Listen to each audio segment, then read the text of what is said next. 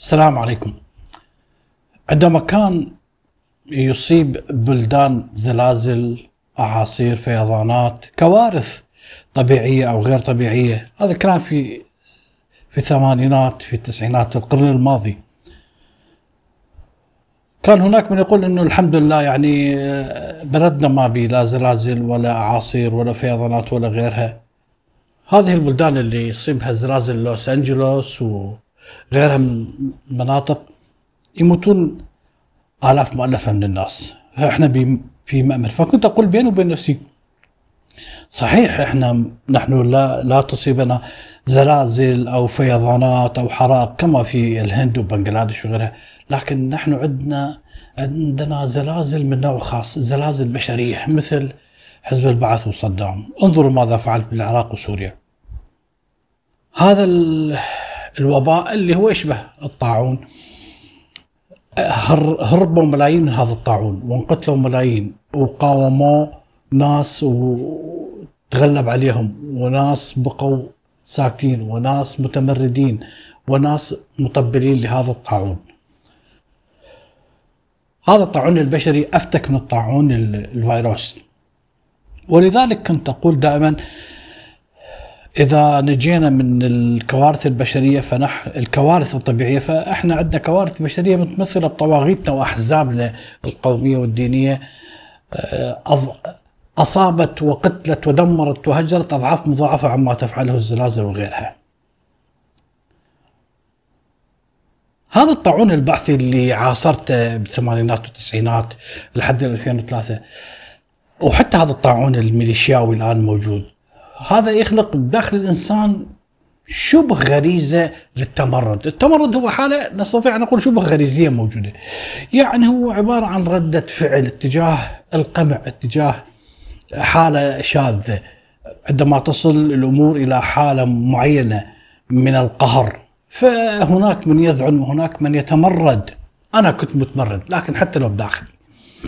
هذه المرحله من التمرد هو الاسم الذي نستطيع أن نطلق على أي نوع من المقاومة السلمية حتى لو بينك وبين نفسك. ولذلك في حالات الأوبئة هناك تمرد على هذا الوباء وهناك إذعان. حلقة اليوم عن رواية الطاعون للفيلسوف ألبيرغامو واللي حول لك التمرد في رواية الطاعون إلى نظرية وكذلك في رواية الإنسان المتمرد. رواية الطاعون في مدينة وهران وهران مدينة بالجزائر اللي كانت وقتها مستعمرة فرنسية. يجتاحها الطاعون. تبدأ الرواية فتقول أنه في الواقع أن وهران مدينة عادية وليست أكثر من مقاطعة إدارة فرنسية على الساحل الجزائري. هكذا يبدأ بتعريفه لمدينة وهران. المدينة تحت العزل. أولا تموت الفئران ثم الناس ولا يستطيع أحد الدخول أو الخروج. السلطات والأطباء عاجزون ومرتبكون. إذا بتناظر شخصيات الرواية لفهم المعنى في مواجهة الطاعون. ما هدف هذا الطاعون؟ لماذا يوجد الطاعون؟ هل سيكون هل سيكونون هؤلاء الأشخاص هم الموت القادمون؟ ما الذي يمكن أن نعمله بشأن هذا هذا الوباء هذه الجائحة؟ في نهاية المطاف سنعرف أنه تلك مشاكل وجوديه هذه المشاكل أو الأسئلة الوجودية ظهرت بسبب هذا الطاعون. الرواية تبدأ يوم 16 4 16 تموز. على لسان شاهد غامض لا نعرف من هو الذي يروي هذه الأحداث. عندما يرى الطبيب برنارد ريو يرى جرز لعين ميت أمام عتبة البناء الذي يسكن به. بالبداية لم يعرفه أي اهتمام فقط اكتفى بإلقاء نظرة عليه ثم قام بركنة جانبا. ولكن بعد تكرار حوادث موت الجرذان يبدأ الطبيب بالتساؤل أمن المعقول أن يكون الطاعون؟ أيام قليلة. ويبدأ الموت يدب إلى الناس أيضا. وتزداد الوفيات يوم بعد يوم. إذا لا أحد يجرؤ أن ينطق باسم ذلك الوباء المفجع. لكن حين تصل الوفيات إلى حد لا معقول. يعترف الناس بالحقيقة المفجعة أخيرا. المدينة مصابة بالطاعون. هنا يتم تسييج المدينة. تغلق منافذها. الخروج والدخول تعزل عن العالم الخارجي وتبدأ روايتنا. شخوص رواية الطاعون لألبيرغامو بوجه عام كل منهم يواجه هذا الصراع بأسلوب مختلف. هؤلاء الذين تتغير حياتهم بسبب هذه الجائحة التي تفتك بالمدينة. أول شخصية نجدها في هذه الرواية شخصية الطبيب ريو. طبيب المدينة الذي يقوم على رعاية المرضى المصابين بالطاعون بلا كلل ولا ملل. وقد فصل بينه وبين زوجته هذا العزل المفروض على مدينة وهران بسبب تفشي هذا الطاعون. والحقيقة أنه ما يعمله ريو لا يؤدي إلى نتائج متوقعة على الرغم من أنه لا يتعب ولا يكل ولا يمل لأن الموت يغيب كثير من الضحايا. البعض الآخر يموت البعض الآخر لا يموت كل هذا بدون تفسير. مع ذلك يتمسك هذا الطبيب بفطرته الأخلاقية في مواجهة عبثية الحياة. هذا رجل واقعي لا ينشغل بدرامية الموقف لا بكائيات ولا نواح أو يعمل من أجل إيقاف هذا الوباء. ريو شخصية محورية بنفس الوقت. لماذا؟ لأننا سوف نعرف عندما نكمل الرواية أنه هو الذي كان يروي هذه القصة. ولذلك لربما البرغامو وضع أشبه ببالون اختبار. لماذا؟ لأن ريو كان متحدي لكل السلطات شبه الإلهية الموجودة بالرواية. فعندما نريد أن نلقي اللوم على البرغامو يقول لا أنا لست الذي تكلم بهذا الكلام. ريو هو الذي تكلم بهذا الكلام. كما عندما نريد أن ندرس أعمال دوستويفسكي ونرى أنه مثلا إيفان كارامازوف يتكلم بكلام ضد الآلهة. ليس هو دوستويفسكي بل هو أحد الأشخاص. إذا يشير ألبير كامو إلى هذا الراوي اللي هو الدكتور آه، ريو يشير إلى أنه هذا الرجل عليم بكل شيء وكأنه يضع معادل للإله العليم بكل شيء لهذه الدرجة ولكنه بشري إنسان بشري عليم. عندما سألت أحد الشخصيات لهذا الدكتور ريو عما إذا كان يؤمن بالإله يرد ريو إنه إذا آمن بإله مطلق القدرة سيتوقف عن محاولة علاج مرضاه. ومن ثم هو لا يتحدى وجود الإله بل يتحدى قدرته على التدخل في شؤون البشر. بكل الأحوال ما يهم هو العامل البشري. يقول ريو أيضا إنه لا يستطيع أن يأمن بإله يسمع بموت الأطفال الأبرياء. ولا يحرك ساكن. لا يستطيع أن يؤمن بإله يسمح بموت هؤلاء الأطفال الأبرياء. إذا يقع هذا الحوار في صميم مسألة وجودية إنسانية بالرواية بأكملها. إذا في رواية الطاعون الريو اللي يستمر بالاعتناء بالمرضى بمرضاه دون أمل في علاجهم. هو حالة حال أو يشبه سيزيف اللي. سيزيف الذي كان يعيش هزيمة لا تنتهي. ليس لها نهاية. فيصبح هذا الطبيب ريو في مواجهة الموت وعبثية الحياة. يوميا تجسيدا للإنسان المتمرد متمرد ضد هذا الطاعون. فيستمر في القتال والكفاح لأجل إخوانه من البشر. بغض النظر عن هول الظروف أو مدى صعوبة نيل فرص للنجاح. ريو مدفوع بإيمان راسخ. في إنسانيته فقط. ولذلك سينظر إلى المدينة على أنها تحتاج إلى مساعدة. وهذا التمرد الموجود بداخله هو القوة الدافعة لإنقاذ هذه المدينة. أكثر الشخصيات جدل فلسفي هو شخصية الطبيب ريو الذي يبدو أنه البطل هو بطل الرواية اللي اختارها البيرغامو لدورة في مواجهة الطاعون. حتى في الحالات التي يتملك يأس وأحباط ويبدو أن لا يوجد أي أمل بالنجاة يواصل ريو أبحاثه مدفوعا بما يسميه الواجب الأخلاقي بحيث يجسد نموذج أعضاء البشرية يحملها بأكملها على عاتقه يكافح في سبيل الخلاص خلاص الجماعي. هذا الطبيب يمثل لك مشاعر الثبات والعقلانية. هو شخص اللي يعلم خطورة الطاعون ومع كل ذلك لا تزال مشاعره ثابتة أبدا. على كثرة ما تعرض له من حالات بالنسبة للمصابين يوميا مواجهة للخوف والهلع بأكملها. كل يوم حتى أصبحت آه، حالة المدينة لا تعنيه تقريبا إنما هذا الرجل كان ينتظر الموت أو فناء المدينة. يا إما يعيش مع المدينة أو يموت مع المدينة. لم يصبح مبالي بأي شيء. هذا بالنسبة للطبيب ريو. أول شخصية تواجهنا بهذه الرواية. ثاني شخصية الأب بانيلو. قس يسوعي. اللي يظهر في بداية الرواية وكأنه عنده معتقدات مطلقة. مو وكأنه هو صاحب معتقدات مطلقة. يمثل لك الدين المؤسسي المنظم. فيخبر الناس في أبرشيته أن الطاعون عقاب سماوي. أنتم تستحقونه. ويهاجم العلم البشري العقيم.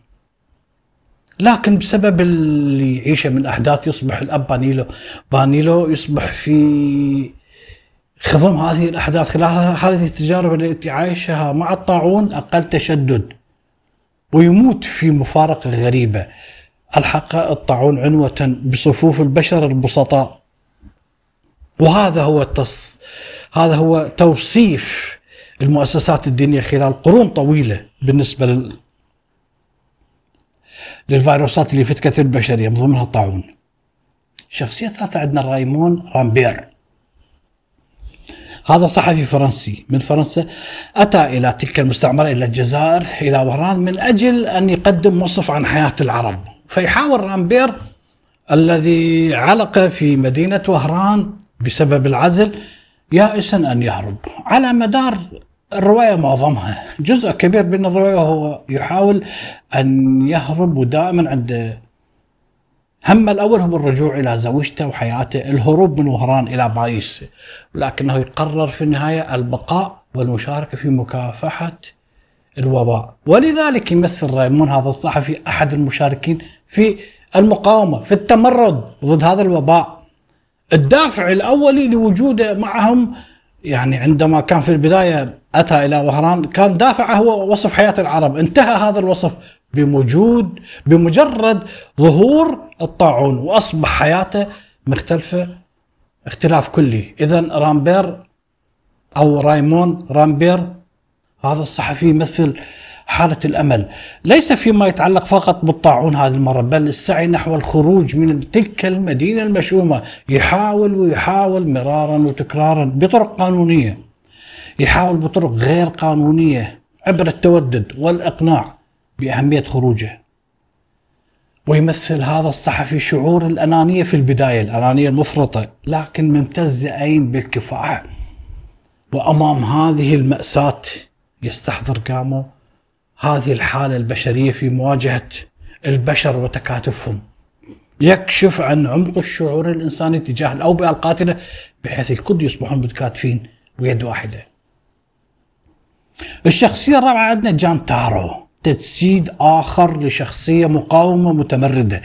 يأسس تارو مجموعة من المتطوعين وبنفس الوقت يمثل تجسيد للمقاومة. وللتمرد هو أكثر أخلاقية بين الرجال الستة أبطال هذه الرواية. مدفوع بدافع أخلاقي إنسانوي ليس ديني ولا غير أي شيء فقط إنسانوي. وهو ينكر لذاته. إنسان شجاع ويموت تارو. يموت أيضا بالطاعون. الأمر الذي يعود بنا إلى الإحساس بمعنى الحياة والموت. هذا الإجحاف الذي يسودان جميع أعمال البيرغامو لا يوجد جزاء للأفعال الحسنة ولا يوجد عقاب للأفعال السيئة سواء كنت ملحد أو مؤمن متمرد خانع ذليل قس كل سواسية. وكأنه البرغامو يريد أن يقول أنه لا توجد سلطة عليا رحيمة. هذا هو العبث. الشاب جانتارو اللي يجمع بين السخرية الصارخة من الواقع العبثي والحزن العميق على المصير الإنساني. بنفس الوقت فيجسد ما يسميه البيرغامو حزن فلسفي في هذا العالم واللا جدوى بصورتها المأساوية. إلا أن هذا الشاب لم يكن غير مبالي بالمصير الإنساني بل كان يتألم لهذا المصير حتى النخاع. فهو كان شخصية محبة للفضيلة للعطف للمساعدة كل هذا من أجل إنقاذ الإنسان. تطوع تحت قيادة الدكتور ريو وفي الوقوف في وجه الطاعون. هاي الشخصية موجودة كثير في مجتمعنا لكن تظهر في الأزمات.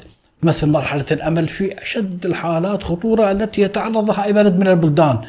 يجمع فريق من المتطوعين يعمل تحت أشراف الأطباء حتى يبدو أنه مت... مندفع أكثر من البقية. أشد منهم حماس وشغف. مع كل علمه بمخاطر الطاعون بمخاطر الحصار القسري وهذا من الحالات الشاذة وسط مدينة اللي تقع تحت طائلة الخوف واللامبالاة أيضا عندنا شخصية جوزيف جران شخصية مهمة موظف بالبلدية.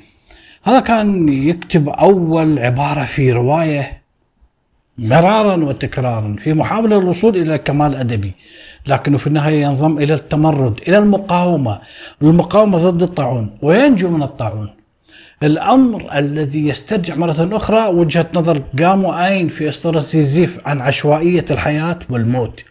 ولذلك في هذه الرواية يلعب الطاعون دور هتلر. صدام الخميني. كاليغولا أي طاغية من طواغيت العصر. لأن هذا يعاقب على على نحو تعسفي كما كان كاليغولا يعاقب على نحو تعسفي.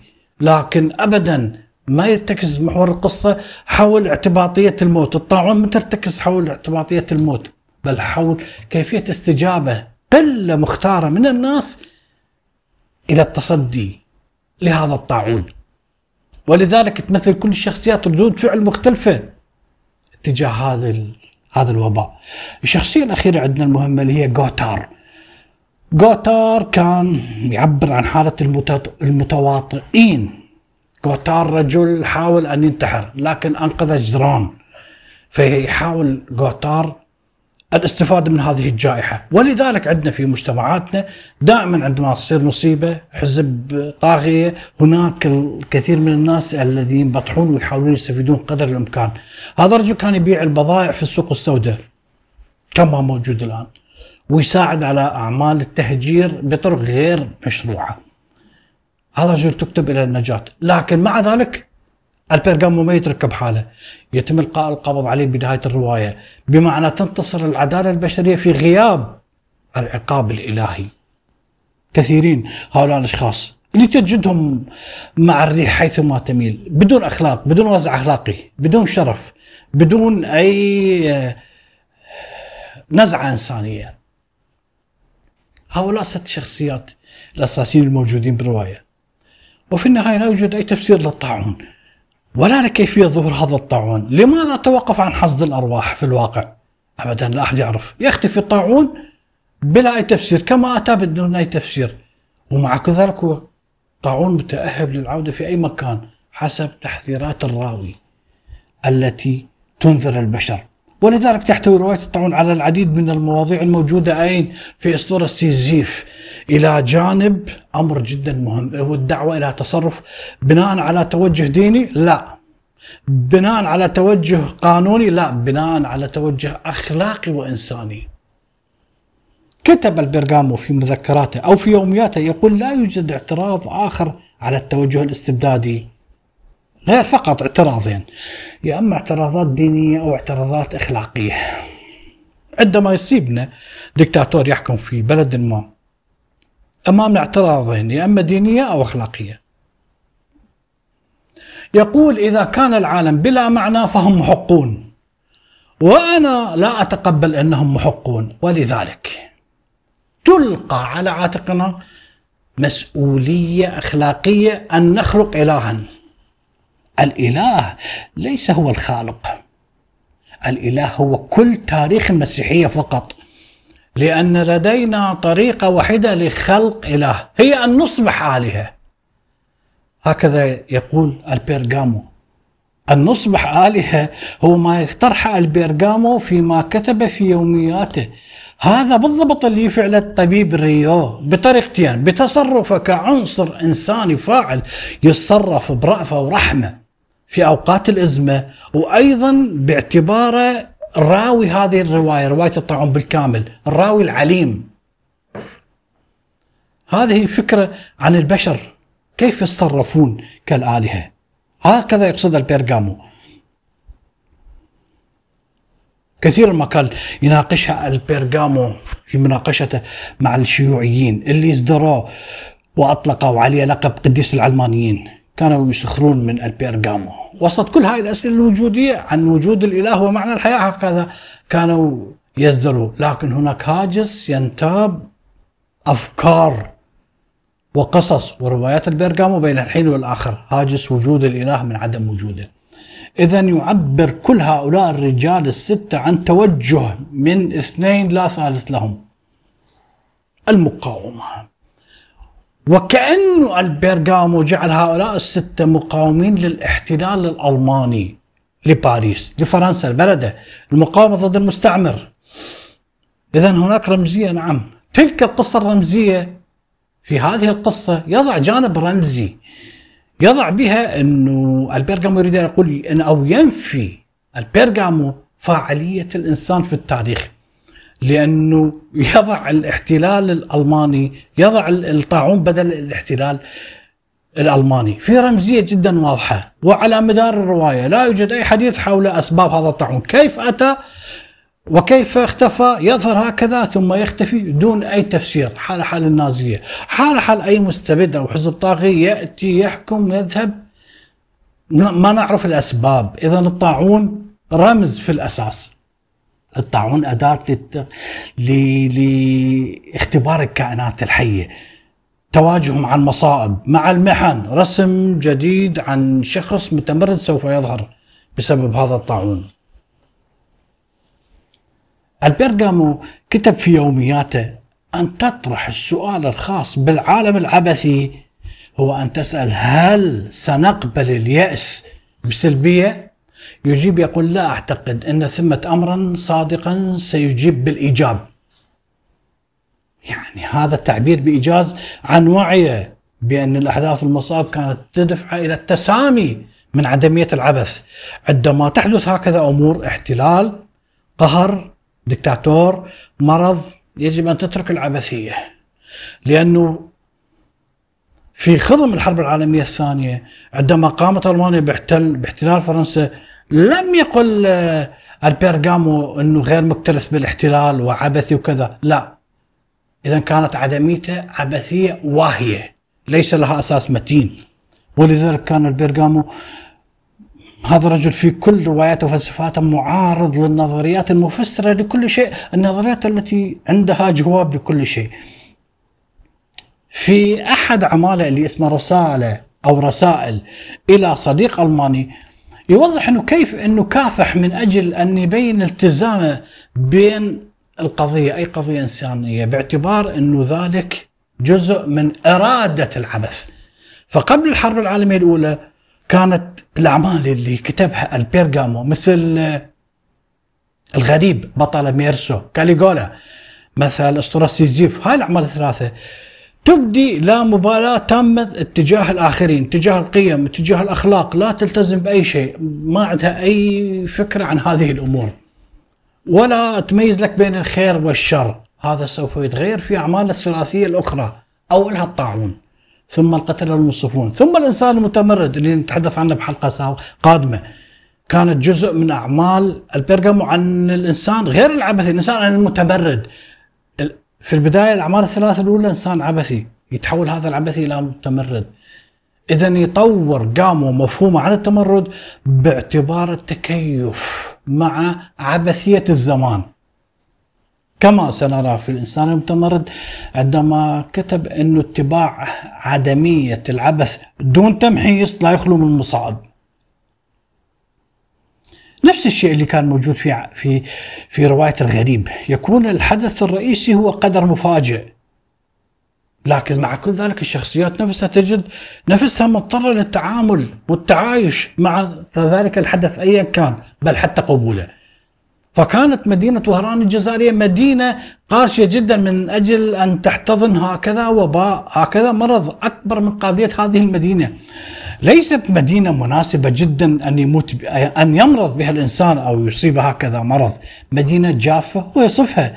مدينة جافة قاسية. الحياة فيها شاقة جدا.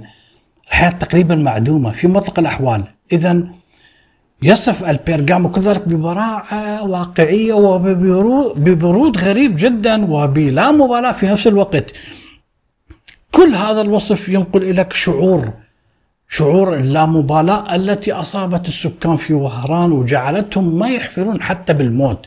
الموت أصبح حادث يومي حال حال بقية كل الأمور. فأبدا ما يهتمون بهذه الشيء بل يهرعون للتلذذ ببقائهم على قيد الحياة فقط. حتى ينسون الموتى الذين يعني يسترقون تلك السعادة. وبالتالي كتب كامو أن التمرد لا الثورة هو ما يستحق المقاومة. التمرد. ينبع التمرد يقول منين؟ من القلب ولذلك التمرد إحساس حال حال العبث. رغم ذلك يقول أنا أيضا على غرار العبث أنه أنا كإنسان متمرد عندي إحساس مؤقت عابر اتجاه أي مصيبة. ولذلك لا يسعى إرساء يعني لا يرسى البرغامو لا يريد أن يأسس نظرية لا يريد أن يضع قواعد نظرية لشيء اسمه العبث أو التمرد ابدا فيقول التمرد عبارة عن عاطفة مبنية على ما ماذا؟ مبنية على نظام أخلاقي إحساس وفي كل هذه الرواية وفي رواية الإنسان المتمرد يسعى البيرغامو لأول مرة إلى طرح هذا الإحساس التمرد. باختصار إنه هذه الرواية بأكملها رواية الطاعون هي تجسيد لكل فلسفات البيرغامو واللي تتمحور حول فكرتين أساسيتين التمرد والعبثية. بنفس الوقت تطرح هذه الرواية مسألة الموت والحياة والوجود أسئلة فلسفية تتعلق بماهية القدر ومصير الإنسان. وبالنهاية بعد عشر أشهر قاسية مرعبة في مدينة وهران يبدأ وباء الطاعون بالاختفاء كل هذا بفضل تكاتف جميع أهل المدينة على رأسهم هؤلاء الستة سعيهم لتحقيق خلاصهم الجماعي. فنجح الطبيب ريو وصديقه كاستيل بإيجاد أو بإنتاج أو أو باستكشاف لقاح أو مصل مضاد أعطى مفعولة. ضد هذا الطاعون كان الطبيب يوميا أو كل أسبوع يترقب نشر الإحصاءات التي كانت تذاع مطلع. كل أسبوع فإذا به يكتشف أن الطاعون كف عن الفتك بهؤلاء الناس. انتصرت إنسانية الأبطال أمام عبثية هذا الوجود. انتهت حلقة اليوم. وشكرا لكم.